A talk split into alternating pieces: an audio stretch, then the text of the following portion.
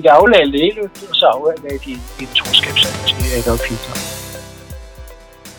Man havde ikke kunne sende mennesker til morgen, hvis ikke, hvis ikke det havde været for øh, trykkammerforsøg i Dachau. Og i nogle tilfælde var det decideret mening, den her patient skal observeres til og med dødening.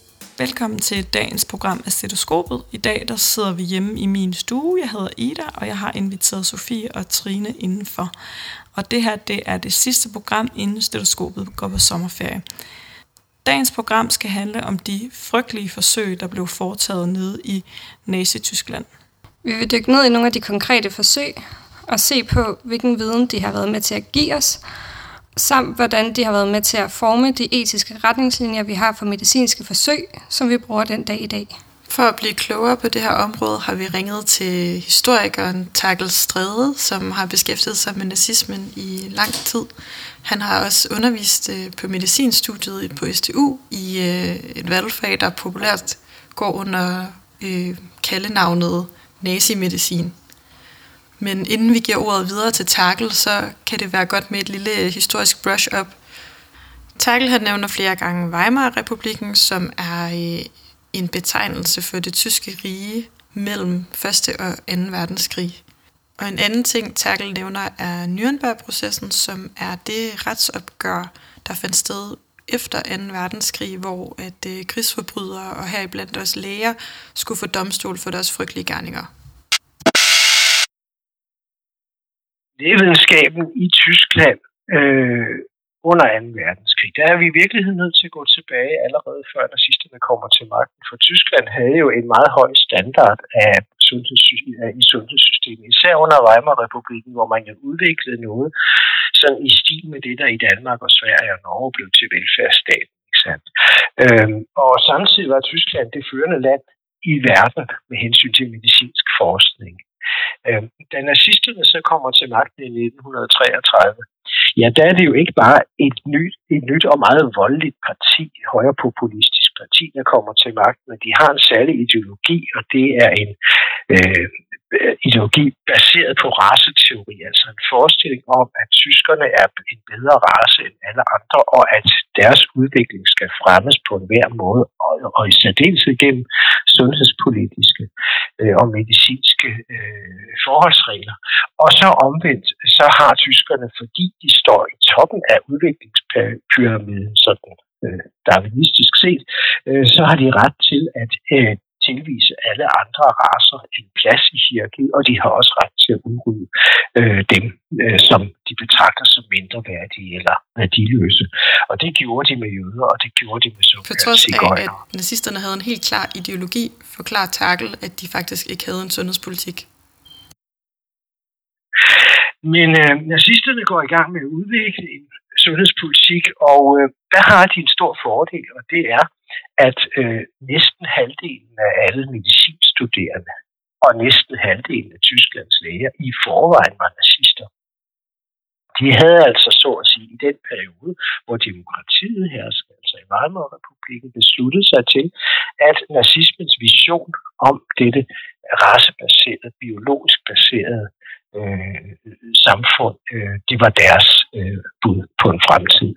Øh, og det betyder, at man havde massevis af specialister, som man kunne henvende sig til for at udvikle en nazistisk sundhedspolitik. Det første, der sker, er imidlertid, at man begynder at smide de læger ud øh, af Tyskland, som var venstreorienterede de må flygte over hals og hoved, og hvis ikke det lykkes for dem, så havner de i en koncentrationslejr. Det kan man dø af, og det gjorde mange af dem. Og det samme gælder for jøderne. Man udfaser jøder, jødiske læger lidt kan vi sige, lidt over en femårig periode. Og det er simpelthen fordi, at der var cirka 10 procent af Tysklands samlede 55.000 læger, som var jøder. Og øh, hvis man nu smed dem ud med det samme i 1933, hvad egentlig man havde lyst til, øh, så ville man komme til at stå med en alvorlig lægemangel. Og den ville blive forstærket af, at man nazisterne jo øh, ikke på nogen måde havde tænkt sig at honorere den, den Versailles-traktat, som de havde indgået med øh, de sejrende magter efter Første Verdenskrig. De bekæmpede den, ikke sandt, ikke? og satte sig ud over den, og det betyder, den, den og Versailles-traktaten forudsatte, at Tyskland ikke måtte have andet end et helt lille bitte symbolsk militær på 100.000 mand. Og det sætter man sig med det samme ud over. I 1935 indfører man almindelig værnepligt og begynder at opbygge en million herver, fordi øh, projektet går ud på, at Tyskland skal erobre øh, magten over store dele af Europa og langt, langt over øh, østpå i Rusland. Øh, og til det brug, der får man brug for en masse læger til opbygning af et lægekorps. Altså et militært lægekorps, det er både hos militæret og fra 1939 også inden for SS. Og der var rigtig mange øh, læger, som i forvejen var medlemmer af SS, og som var villige til øh, at gå den vej. Det betyder, at problemet med lægemangel for civile patienter blev større og større. Øh, men i sidste ende smider man alle de jødiske læger ud, og dem, der ikke var flygtet, de ender så med at blive. Øh, så når vi frem til 1939, hvor jo krigen starter, og nazist, det nazistiske program gik ud på, at man skulle have en krig, som øh, ændrede fundamentalt på magtforholdene i Europa, og som sikrede Tyskland en fremtidig position som verdens førende nation med et kæmpe kolonirige, hvor mennesker af lav racemæssig værdi skulle yde slavearbejde for herrefolk. Ikke sandt? Øh, så øh, angrebsvinklen eller angrebsretningen, det var østpå. Det var Polen, der skulle forsvinde som stat, og det var de andre østeuropæiske lande, og så skulle man have taget sig en ordentlig bid af det, der dengang var Sovjetunionen, og i dag jo er Ukraine, Hvide Rusland og, øh, og Rusland. Ikke? Øh, og øh, under krigen, der kommer der jo nogle nye udfordringer til lægevidenskaben og til sundhedspolitikken i Tyskland. Og det er først og fremmest dem, der jo er forbundet med, at nu øh, er der så mange unge mennesker, som står øh, i militæret og skal behandles der, og mange af dem bliver såret. Og sådan, ikke? Men det er også det, at øh, tilbage i Tyskland får man jo også en slags krigszone i, og med at luftkrigen, som man starter imod England, den slår voldsomt tilbage. Og så får man altså øh, et ordentligt pres på sygehusvæsenet i Tyskland for at behandle de øh, mange øh, ofre for allierede. Vi spurgte om, hvilke grupper af mennesker, der blev udsat for de her forsøg groft set kan man sige, at det er mennesker, som regimet har øh, magt over, og det er mennesker, som ikke har nogen høj status, øh, og som ikke har øh, nogen ressourcer til at stå imod. Så, hvad det angår, ligner det jo de uetiske forsøg, som andre stater har lavet, øh, både før og efter eksamen, som også primært går ud over fanger og går ud over anbragte børn osv. Øh, men øh, nazisterne skærper det og radikaliserer det her sige. Og så er der en ting i den forbindelse, det er man måske ikke opmærksom på. Men øh, øh medicinske menneskeforsøg uden samtykke var faktisk forbudt i Tyskland. Det bliver forbudt i 1931 efter nogle skandaler, der havde været i, i 20'erne, netop med forsøg på øh, handicappede børn. Øh, og, øh, og, og formulere et klart, et klart krav om informeret samtykke. Øh, og det var den eneste stat i verden, der havde det på det her tidspunkt. det vælger nazisterne som så rigtig meget andet af det demokratiske Weimar-republiks lovgivning bare at se stort på og sætte sig ud over, ikke sandt? Øhm.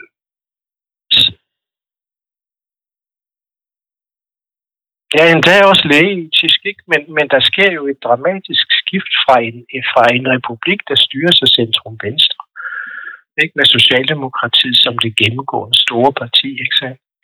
Øhm, og så til et, et en, en, øh, og så til et diktatur, der styres af den ekstreme højrefløj, med støtte fra den almindelige højrefløj. Øh, og det ændrer, og det, det ændrer også fuldstændig prioriteterne med hensyn til patienters rettigheder, fra at man er patient, der har demokratiske rettigheder, til at patienter de har de rettigheder, som overlægen bestemmer. Vil du gå i dybden med et par af de øh, frygtelige forsøg, der fandt sted under nazismen? Ja, altså, der er jo nogle forsøg, som er blevet vældig, vældig meget kendt af to grunde. Det ene fordi, at de blev taget op under den såkaldte øh, under den såkaldte lægeproces i Nürnberg, der kørte fra 1946 til 47.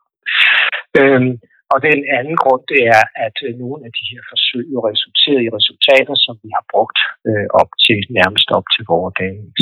Altså nogle, og at nogle øh, hvad skal vi sige, af de her resultater har været helt øh, øh har været nøgleresultater til udvikling, for eksempel af rumfart, luftfarts- og rumfartsmedicin.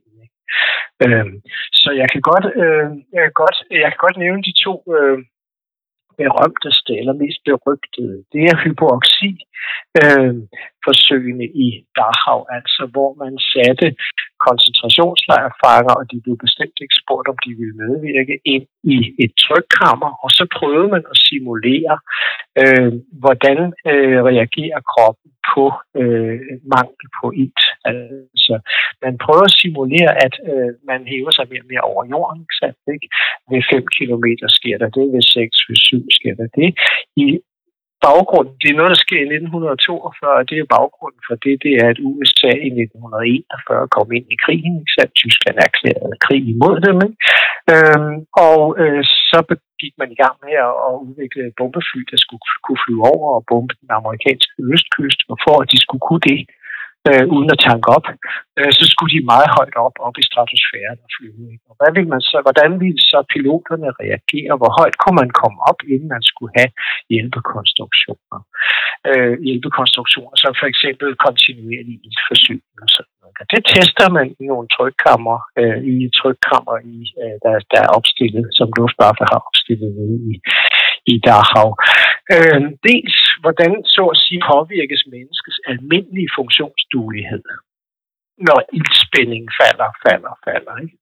Hvornår indtræder der forstyrrelser, hvornår indtræder bevidstløshed osv. Man havde nogle, man vidste, at der var alvorlige problemer med dykkersyge og så videre. Det er jo det omvendte, den omvendte situation.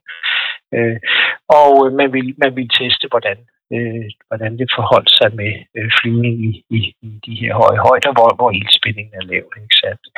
Øh, og øh, det var et forsøg, som øh, involverede cirka 200 fanger, og øh, vi ved, at godt 70 af dem omkom. Og i nogle tilfælde, så omkom de, kan man sige, øh, som følge af forsøg. Og i nogle tilfælde var det decideret mening, den her patient skal observeres, til og med døden, ikke sandt? Ikke? Øh, og hvor man fortsætter forsøget efter, at vedkommende øh, har mistet bevidstheden, efter at hjernen er holdt op med at fungere, og, og, og bliver ved med at fortsætte forsøget for at se, hvor længe kan hjertet blive ved at fungere uden hjerne. Kan man tage hjernen ud, og hvor længe fungerer hjertet så videre?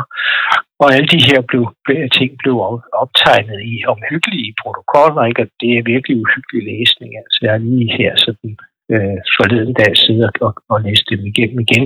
Øh, og det blev også fastholdt på film, og det, den film, der bliver lavet, som viser et af de forsøg, der ender lidt talt, øh, blev vist ved lægeprocessen i Nürnberg, og så senere hen, så den forsvandt ikke. Den gik op i flammer, fordi den var lavet på det der meget, meget brandfarlige materiale, som man brugte dengang til film. Det, altså, Ja. Nej, i den brede offentlighed vidste man ikke noget om de her ting. Man vidste i den brede offentlighed, at handicappet blev slået ihjel. Man vidste i den brede offentlighed, at psykisk syge, hvis man betragtede deres psykiske sygdom som arvelig, øh, betinget, øh, at de også blev slået ihjel. Det kunne man ikke holde hemmeligt, når man øh, mødte 200.000 mennesker spredt over hele, hele riget. Øh, koncentrationslejrene var meget mere lukkede universer, og øh, der var heller ikke nogen interesse i ligesom at, øh, at få nogen form for offentlighed omkring det. Øh, så befolkningen har ikke vidst noget om de her forsøg. Og, og der er mange, af det, mange, læger, mange læger, der selvfølgelig efter krigen sagde, ej, det vidste, vi vidste heller ikke noget. Og så videre. For mange vedkommende må man også sige, at det er nok rigtigt. Men på den anden side blev en række af de her resultater lagt frem på videnskabelige kongresser helt åbent øh, blandt, læge, blandt, blandt lægefaglige kolleger og så videre. Det er kongresser med hundredvis af deltagere rundt øh, rundt omkring Tyskland. Altså blandt andet hypoxi-forsøg, øh, som jeg lige har skildret, ikke? Bliver, bliver, frem, bliver fremlagt i foredrag på to kon- kon- øh, kongresser i løbet af 1902 og, og der sidder der folk, øh, som øh, skal øh, høre meget, meget, meget dårligt efter, for ikke at forstå, at her slår man altså folk ihjel med vilje, for at registrere sådan nogle ting. Øh, det samme gælder for hypotermiforsøgene. Det er en anden af de mest berømte forsøgsrækker. Ikke? Og det er den selvfølgelig, fordi at de resultater, der blev opnået, det var også i koncentrationslejren Dachau. Øh, de havde nemlig gode, nogle gode laboratorier allerede for langt tilbage. Øhm, øh, den, øh, den her, de her forsøgsrækker, hypothermiforsøgene, de blev jo brugt øh, af søredningstjenesterne og, og, øh, og gør det mange steder den dag i dag. Øh, så derfor er de øh, jo omstridte, og det handlede om, at man kølede, nu siger patienter, det er egentlig forkert, fanger, ofre ned, øh, så, deres, øh, så, så de gik over i rigor, og man kølede det ned med henblik på at se, øh, fra hvor lav en kropstemperatur kan vi stadigvæk genopleve det. Baggrunden var den samme. Man regnede med, at man ville miste mange piloter ude til havs på grund af Atlant, øh, slaget om Atlanterhavet og på grund af øh, de der fantasier om, at man skulle over og bombe i USA og så videre. Ikke? Og piloter er jo meget, meget dyre soldater. Det er de dyreste, man har. Ikke? Så det galt om at prøve at fange, øh, finde dem, ikke? Øh, når de var styrtet ned. Øh, og, øh, og så få dem bragt tilbage til livet igen. Og øh, der, der var det vigtigt at finde ud af, hvor, hvad kan man sige, hvor kolde må de være. Øh, det betød jo også noget for, hvor længe man skulle lede efter dem øh, ude øh, på Atlanterhavet, ikke sandt? Øh, og der tester man det altså på den måde, at man simpelthen lægger... Øh, de, ofte er de klædt i sådan en pilotdragt, ikke sandt, ikke, for at simulere den situation, den, den, den virkelige situation, ikke sandt, ikke? Og så øh, forsynet med EKG, og de er forsynet med, med sådan en, en øh, altså permanent temperaturmåling rektalt og så videre. Og øh, og så observerer man dem og observerer, hvad der sker, beskriver nøje, ikke, hvordan kropsfunktionerne, de, hvordan man reagerer, altså patienten reagerer på den temperatur, den laver, den laver, den laver endnu. Og efterfølgende går man så ind og prøver at teste forskellige teknikker til genoplivning. Altså for eksempel spørgsmålet, skal man, skal man helst varme sådan en person, der er måske nede på en 4-25 øh, grader øh, kropstemperatur, skal man varme denne person langsomt op for at undgå skader på væv og sådan noget ting? Eller skal man varme den pågældende hurtigt op, for hurtigt at komme op på en temperatur, som ikke er livstruende? Ikke? Øh, og der finder man ud af ved en række forsøg, at hvilke nogle af dem koster menneskeliv. Ikke sandt? Øh, der finder man ud af, at det optimale er en meget hurtig genopvarmning. Og, den, og at den meget hurtige genopvarmning ikke vil skade noget ved Altså vil ikke have nogen negative effekter. Og så tester man forskellige genopvarmningsmetoder øh, og, og konkluderer, at det bedste er skoldhed, øh, skoldhed bad. Altså nedsænkning i et, øh, i et, i et kar med, med rigtig meget varmt vand. Ikke? Man har også testet for eksempel, øh, om øh, de var himler, der havde en tanke om en, en forestilling om, at øh, organisk varme, den var bedre og en anden kvalitet end det, han kaldte anorganisk varme. Og derfor testede man også, øh, om kvindelige korsetfanger ved at ligge nøgne med sådan en stivfrosten person, det kunne bringe vedkommende hurtigere tilbage øh, til livet ved, ved kærtegn. Og det lyder øh, fuldstændig absurd og perverst, ikke? Øh, men øh, da det jo var hende, der stod for, så at sige, som sponsor for de her forsøg, øh, altså som chef for SS, ikke? Så, øh, så var man til at teste hans teori og konkludere, ja, i nogle tilfælde er det faktisk øh, rimelig øh, effektivt, og konkludere så også, men altså, det må anbefales, hvis vi taler om det små børn, som er blevet underafkølet, små øh, mindre børn. Der virker det bedst. Og ellers så anbefaler man altså øh, den der øh, øh, hvad hedder det, genoplivning ved hjælp af, af, af, af, meget varmt vand. Ikke? Øh, hypotermiforsøgene bliver så brugt til også at lave tabeller over, øh, hvad skal vi sige, overlevelsesprognosen øh, prognosen ved forskellige kropstemperaturer, altså anom, øh, unormale øh, lave kropstemperaturer osv. Øh, og øh, og det, det har man øh, brugt vældig meget øh, i søredningstjenesterne over hele verden, også i Danmark. Øh, i, og i Danmark har man brugt dem indtil her for nogle få år siden, hvor Bendik Kærgaard på Aalborg Universitetshospital så gentog de her forsøg med svin. Og så, øh, så at sige, øh, men på den baggrund fik lavet en, gennemrevideret hele det danske søredningssystem øh, og ført det op til Jeg spurgte Terkel, om de her forsøg er blevet publiceret i videnskabelige tidsskrifter. Nogle af de her forsøg blev afrapporteret simpelthen ved, at, at, at forskerne skrev artikler i øh, videnskabelige tidsskrifter. Og nogle af dem endda i internationale videnskabelige tidsskrifter. Tyskland havde ikke adgang til selvfølgelig at publicere i den angelsaksiske verden. Det var heller ikke så vigtigt dengang, for Tyskland var det vigtigste videnskabssprog. Det vigtigste videnskabsland. Så amerikanerne og englænderne er først, har først fået den status, de har i dag, og engelsk med det, efter krigen. Ikke sandt? Men de kunne publicere i Schweiz for eksempel. Øhm, og tyske tidsskrifter blev ved at udkomme, og blev også betragtet som værende en rimelig høj standard. Ikke sandt? Øhm, men vi skal samtidig sige, at noget, nogle, af de, øh, nogle af de forsøg, der bliver lavet øh, i lejrene, de har, havde absolut ikke nogen videnskabelig værdi. Altså, de bliver lavet mere sådan efter, Nå, nu har vi alle de her forsøgspersoner, som vi kan gøre med, hvad der passer os så lad os da lige prøve, om det og det og det går. For eksempel var der en, en, en kirurg, der tænkte, at lad os da prøve, om vi kan transplantere et skulderblad fra en person til en anden og få det til at Så det har været sådan en videnskabelig legeplads det er jo den, det, i virkeligheden? Ja. En legeplads, ja. Og den legeplads selvfølgelig muliggjort af den grundlæggende racistiske øh, teori, der lå bag, ikke nemlig at de mennesker, som man spærrede inde, de var spærret inde, fordi de var af en eller anden form for dårlig øh, øh, racemæssig udrustning. Fordi øh, nazisterne havde også en forestilling, at hvis man, blev, hvis, hvis man valgte et politisk standpunkt for langt til venstre, så var det fordi, man var mindre værdig, racemæssigt mindre værdig.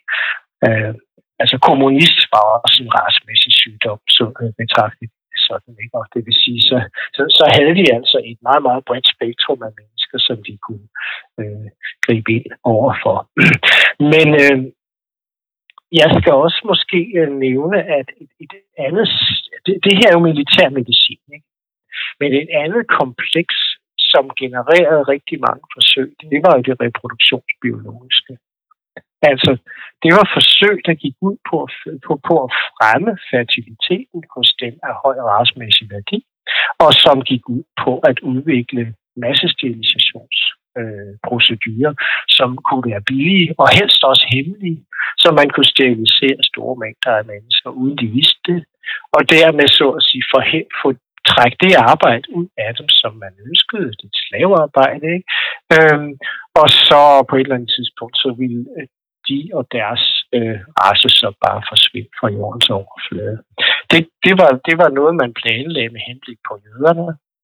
Øh, det kommer aldrig op at køre, fordi det lykkes ikke at få lavet massestilisationsprocedurer, som var billige nok, og som også var hemmelige nok.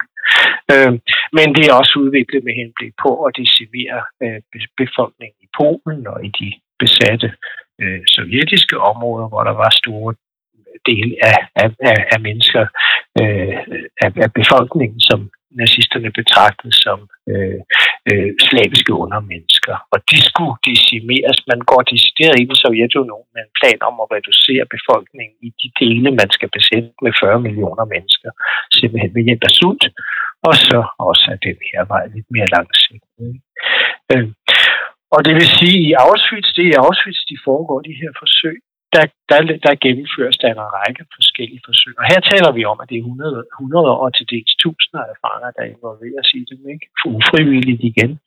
Øh, at det er altså forsøg, der går ud på, øh, jamen, hvordan kan man så nemt og så hurtigt som muligt øh, afbryde en kvindes øh, ægleder, eller kan man ved hjælp af røntgenstråling simpelthen slå reproduktionsorganerne i stykker, uden at folk lægger mærke til det og sådan noget. Øh, øh, så, så vi har et, altså nazismen skaber så at sige det her retsfri rum, som er koncentrationslejrene, hvor politiet hersker fuldstændig efter for godt befindende. Og læger udnytter det her retsfri rum til at sige, jamen så kan vi gøre, hvad der passer os med de mennesker, der sidder der.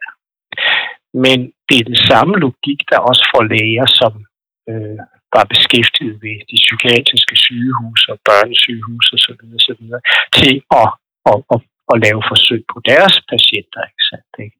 Øh, den der logik, men når mange af dem skal slås ihjel, fordi de bærer af dårligt genmateriale, så lad os dog lige få noget ud af det forskningsmæssigt inden, eller lad os få noget ud af det forskningsmæssigt efter døden i form af, at vi tager præparater, vi laver hjernesnit og alt sådan noget, der kan give os en indsigt i, øh, øh, bestemte sygdomme, og, og måske så fremover kan vi udvikle behandling, fremover kan vi udvikle profilakse, fremover kan vi afgøre, hvilke af de her sygdomme er arvelige, øh, sådan at de mennesker, som bærer gener, der peger i retning af de sygdomme, ja. øh, de skal tvangsstilleres. Det er målløs, når man hører, hvad der foregår. Ja, ja. Mm det er et uhyggeligt univers, ikke sandt? Det går det, og, og jeg, jeg, vil, jeg må indrømme, at det der i sin tid bragte mig på spor, fordi jeg startede med et helt andet sted med at arbejde med Volkswagen-koncernens historie under nazismen, og de danske arbejdere, som var i Tyskland og arbejdede frivilligt for nazisterne osv. Øhm, men det, der, øh, det, det, det, det var et bestemt chok, jeg fik, da jeg øh, studerede Volkswagen-koncernen og fandt ud af, at der var to øh, ledende medarbejdere på Volkswagen-koncernen, som var blevet øh, dømt til døden efter krigen. Den ene var en dansker, som havde været leder af deres største koncentrationslejre. De havde ni koncentrationslejre. Den anden var lederen af deres bedriftssundhedstjeneste, altså en overlæge, Dr. Fil. Øh, og han bliver henrettet øh, konkret, fordi øh, han havde øh, etableret et børnehjem. Det var sådan, at, man, at, at, at fabrikken der blev drevet 80 procent ved hjælp af tvangsarbejdere fra Østeuropa. Og der kunne man sådan set mest finde, fange kvinder, unge kvinder, fordi de unge mænd var i den røde her og kæmpede mod tyskerne på den anden side af fronten. Så man førte massevis millioner af øh, unge kvinder fra, øh, de, fra, fra, fra det, det besatte Sovjetunion til Tyskland for at arbejde tvangsmæssigt øh, i industrien. Og de her kvinder fik børn. De, måske var de gravide, da de kom. Måske blev de gravide.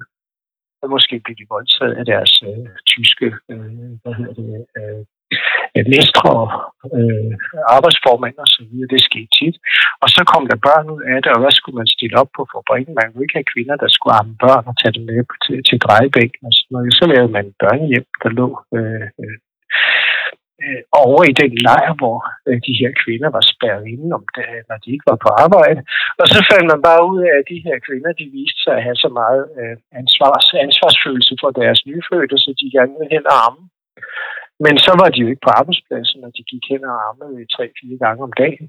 Og så flyttede man bare børnehjem 14 km uden for byen, uden for den øh, sikkerhedsring, som var omkring alle tyske byer, som, øh, hvor man kunne, kunne komme videre, hvis man havde en passagersæd.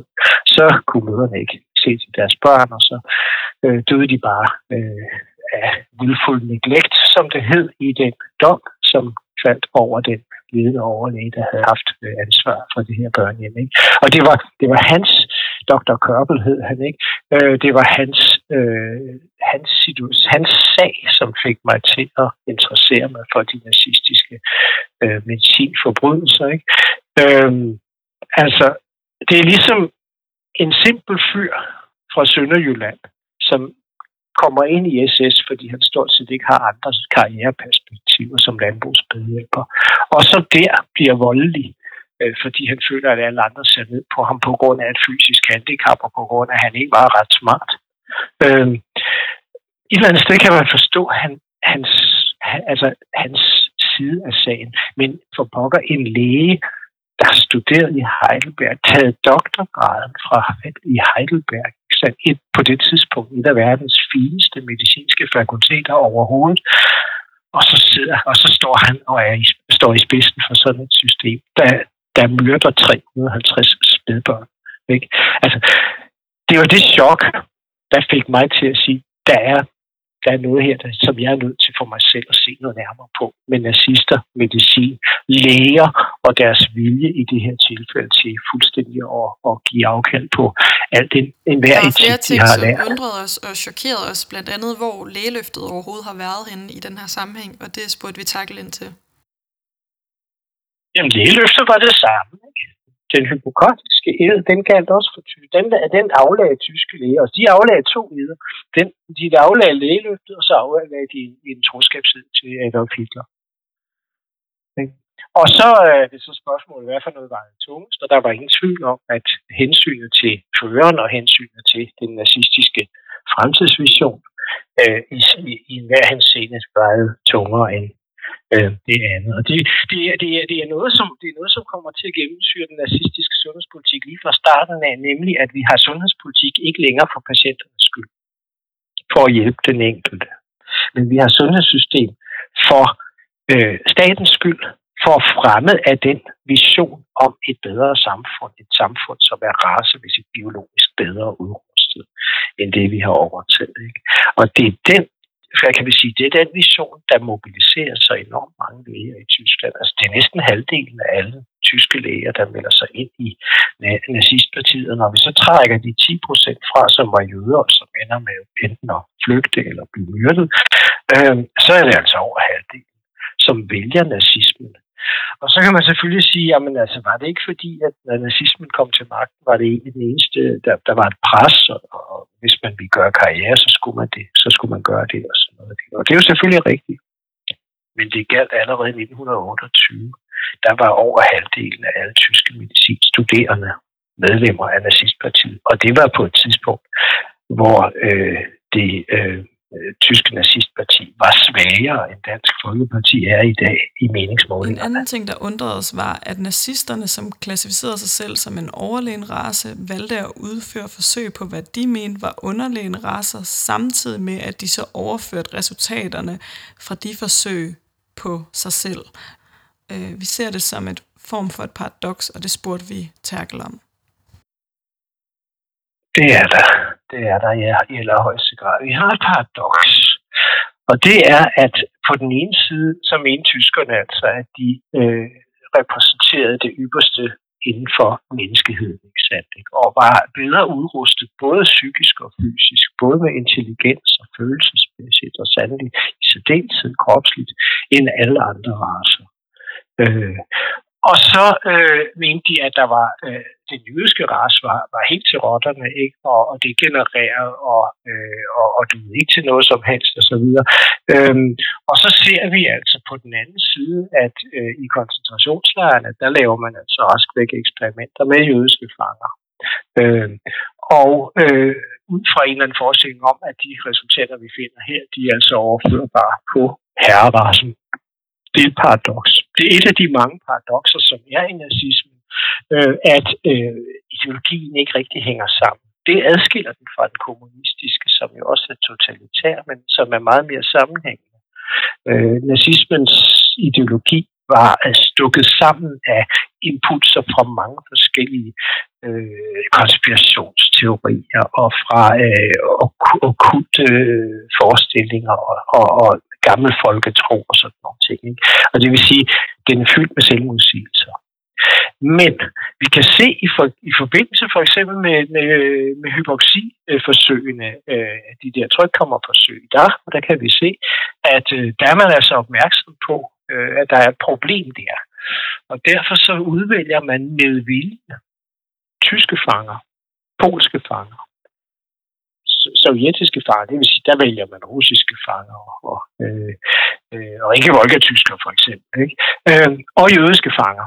Og de fire grupper indgår i øh, de, den samlede gruppe på 200 øh, mennesker, øh, som øh, bliver involveret i de her forsøg, af hvilke et sted mellem 70 og 80 så omkommer.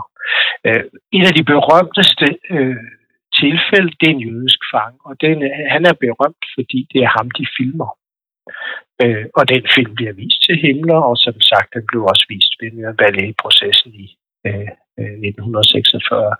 Øh, men øh, der har du altså i forsøget et andet forsøg, som går ud på ligesom at se, øh, reagerer nu den jødiske krop og den polske krop og den russiske krop og den tyske krop ens øh, på på de her, øh, på, på iltmangel og så videre.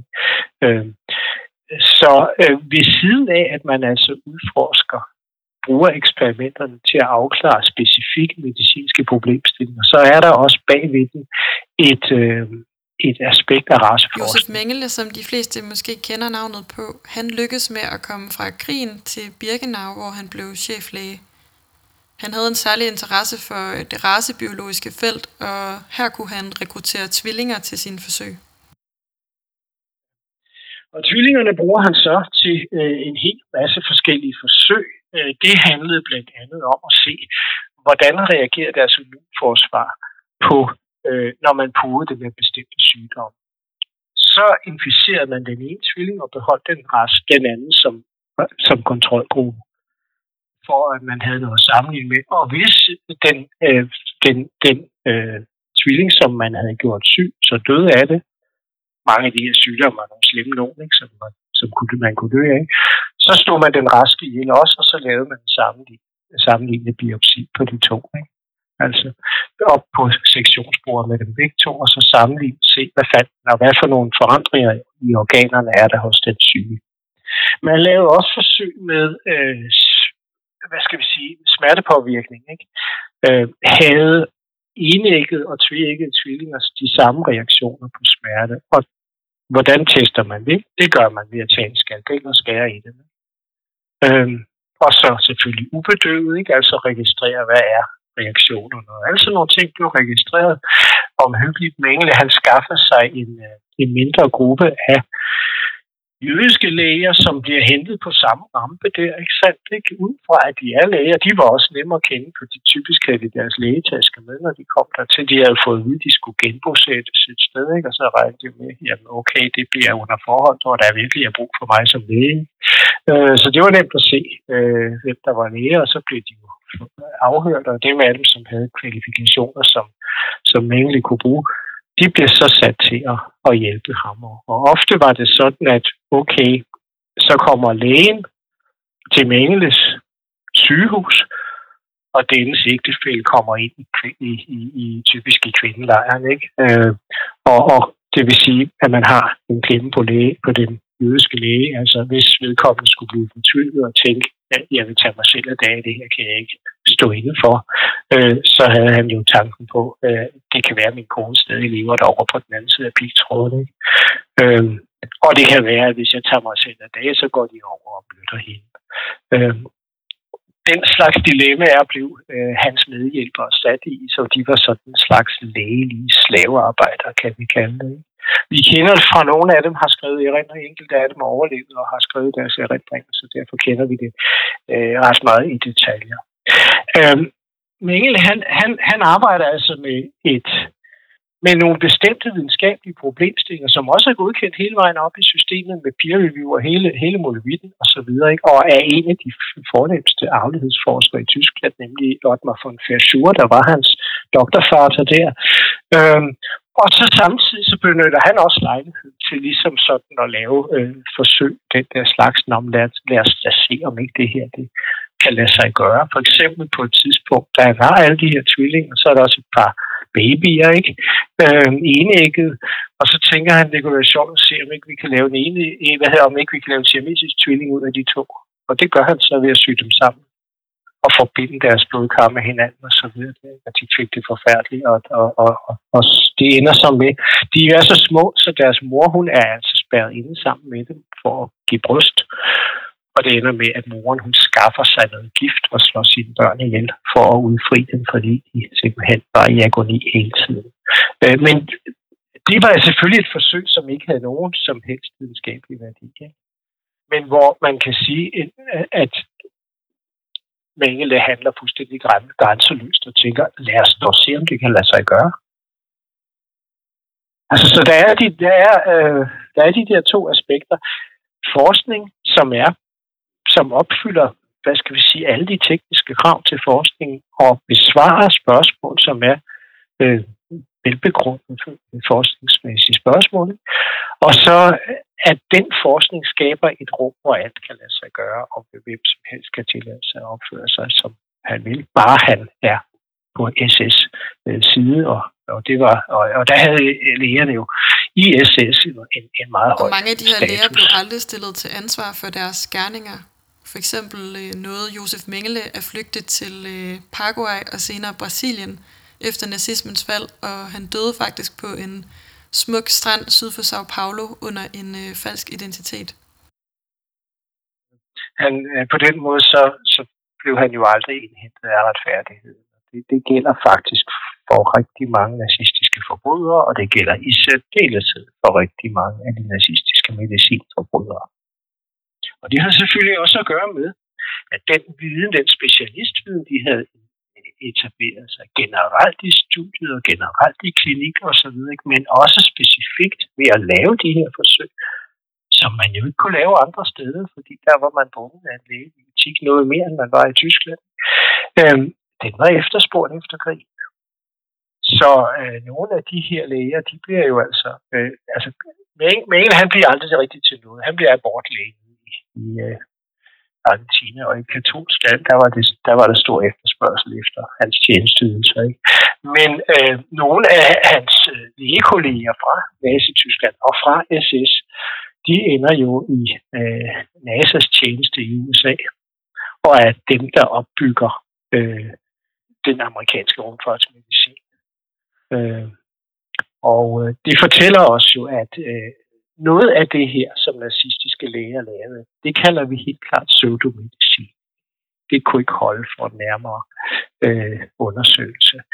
Men øh, meget af det betragtede man efter krigen som øh, rigtig god videnskab, og den amerikanske øh, luftvåbens øh, Surgeon General, som det hedder, altså chefen for deres lægetjeneste, han øh, eller i 1946 udarbejde en øh, håndbog, som hedder German, German Aviation Medicine.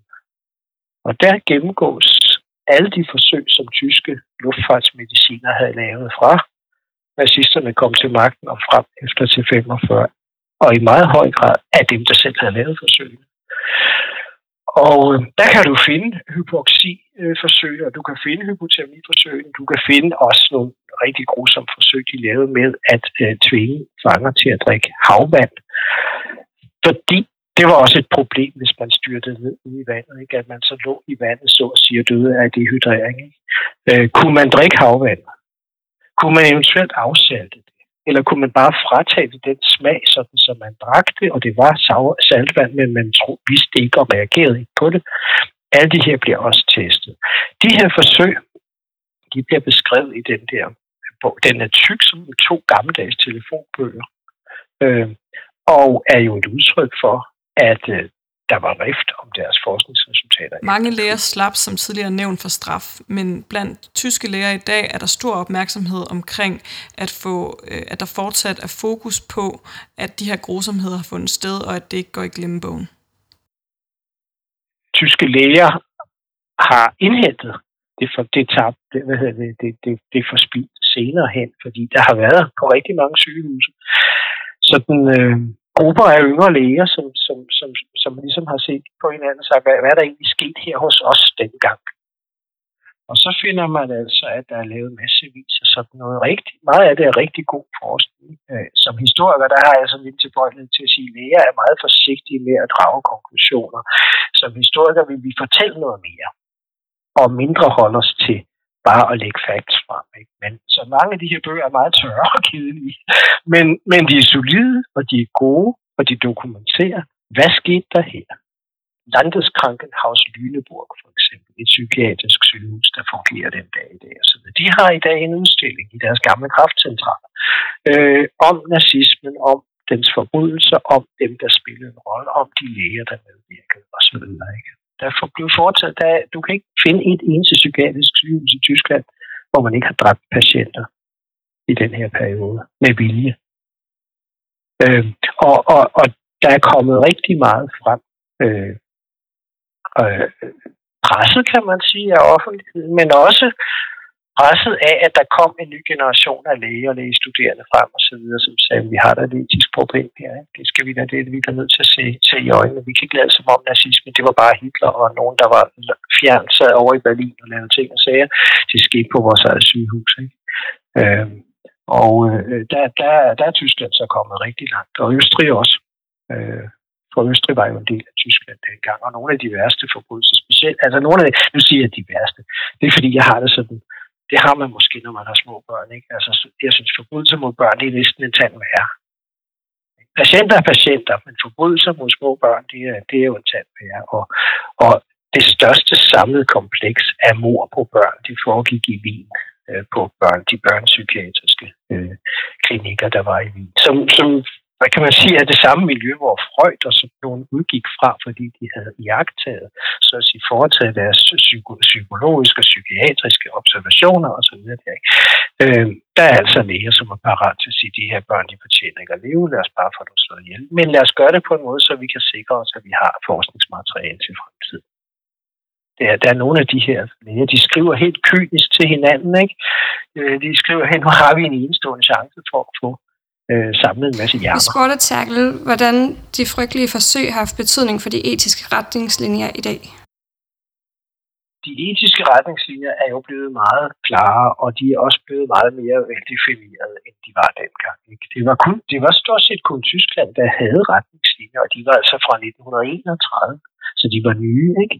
og de var ikke blevet implementeret rigtigt, og, og, og som sagt, nazisterne var ligeglade med dem. Ikke? Men i de fleste andre lande havde man ikke engang det. Og der sker der så det, at i forbindelse med Nürnberg lægeproces, det er interessant, at det i lægeprocessen er den første af de såkaldte efterfølgeprocesser efter den store centrale krigsforbryderproces mod Hermann Göring og, og, og, og de aller værste af de der skiderikker.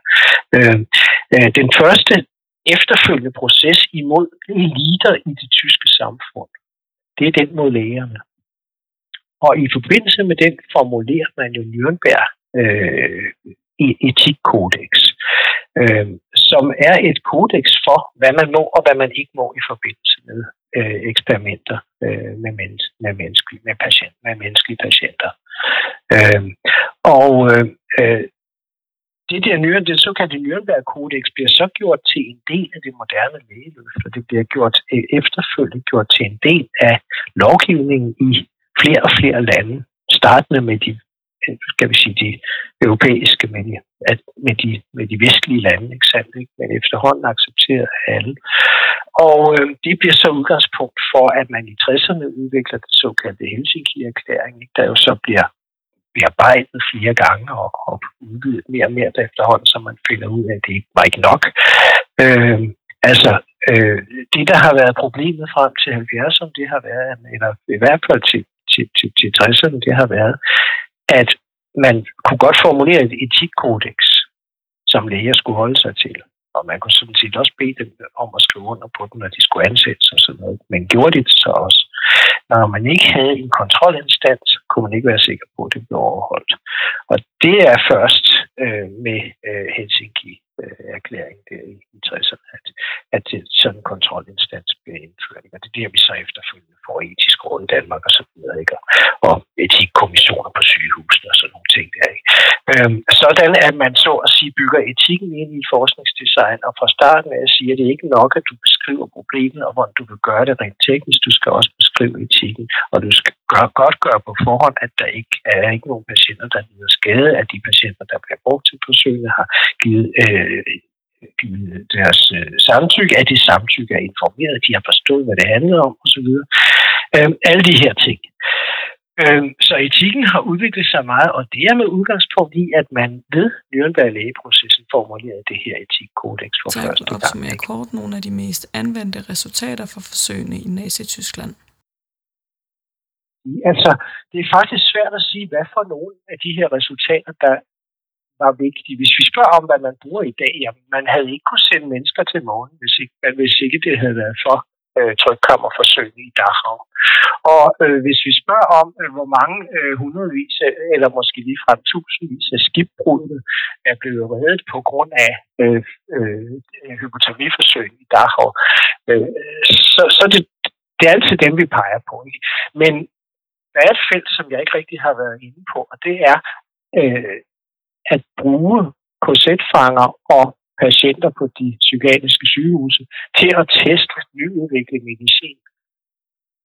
Altså der, der, der testede nazisterne jo massevis af medicin i udviklingsstadiet allerede på mennesker. Altså så at sige speedede udviklingen af ny medicin op ved at springe en hel masse dyreforsøg over. Dyreforsøg blev forbudt i Tyskland af nazisterne.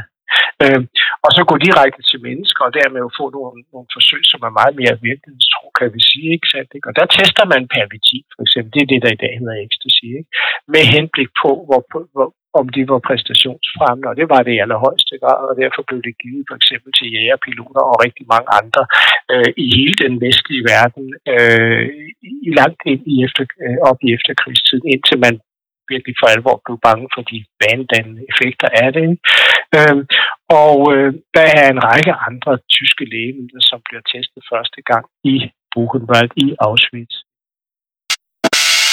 Nu vil vi til at afrunde dagens program, som har været et af de mere tunge emner, hvis man kan sige det sådan. Øhm, og jeg tror alle sammen, vi er blevet sådan rimelig øh, berørt af, at det er så kort tid siden, at nogle så frygtelige ting øh, har foregået. Som afslutning på programmet, så vil vi lige øh, komme med en sidste bemærkning fra Tackle, som understreger, hvorfor det er vigtigt at kende til de her medicinske forsøg fra næsetiden.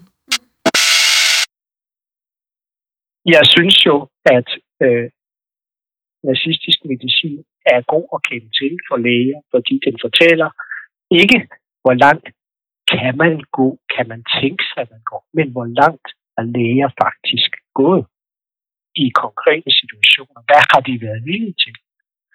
Og det er, synes jeg, det har jeg også oplevet i min undervisning på medicinstudiet i Odense. Ikke? Altså, øh, det er på en eller anden måde mere vedkommende end de her øh, hvis så øh, tænkte eksempler, som man ofte bruger, når man har etikundervisning. Altså, selvom mange af dem jo også kan være meget virkelige, ikke sandt? Ikke?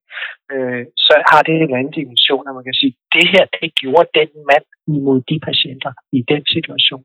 Og det foregik sådan og sådan. Øh, og resultaterne var sådan og sådan. Og det, øh, ja, og hvorfor var det over grænsen? Og var den grænse så fast? Eller er det sådan, at vi, at vi, at vi hele tiden lever Men Jeg så Jacob Birkler fra den tidligere formand for etisk råd, var, var, var inde på det i en kommentar i forbindelse med, med covid-19 epidemi, ikke? Øh, er vi nødt til at leve med, at etik i virkeligheden hele tiden er et forhandlings øh, en, en, for, et, for, et felt for forhandling, hvor forskellige, også til dels indbyrdes modstridende øh, målsætninger er op og kan være berettiget. Nu kan vi hurtigt blive enige om, at meget af det racistiske læger, de gjorde, det var ikke berettiget under nogen omstændigheder. Men dem af dem, som efterfølgende sagde, nej, men altså, jeg, jeg gjorde ikke selv noget, så det, de kunne godt føle, at, at meget af det, de lavede, det var sådan set ikke meget anderledes, end man kunne komme afsted med at lave i USA, eller i England, eller i Danmark. Altså, vi skal være klar over, at etik er ikke bare, som vi kan sige, sådan er etikken, ikke? altså ligesom de 10 bud i Bibelen eller sådan noget. Ikke? Men at øh, vi skal have en opmærksomhed på det hele tiden, og det gælder også for den enkelte, der skal arbejde inden for sundhedsområdet, øh, og det gælder for det gælder i allerhøjeste grad i den daglige klinik.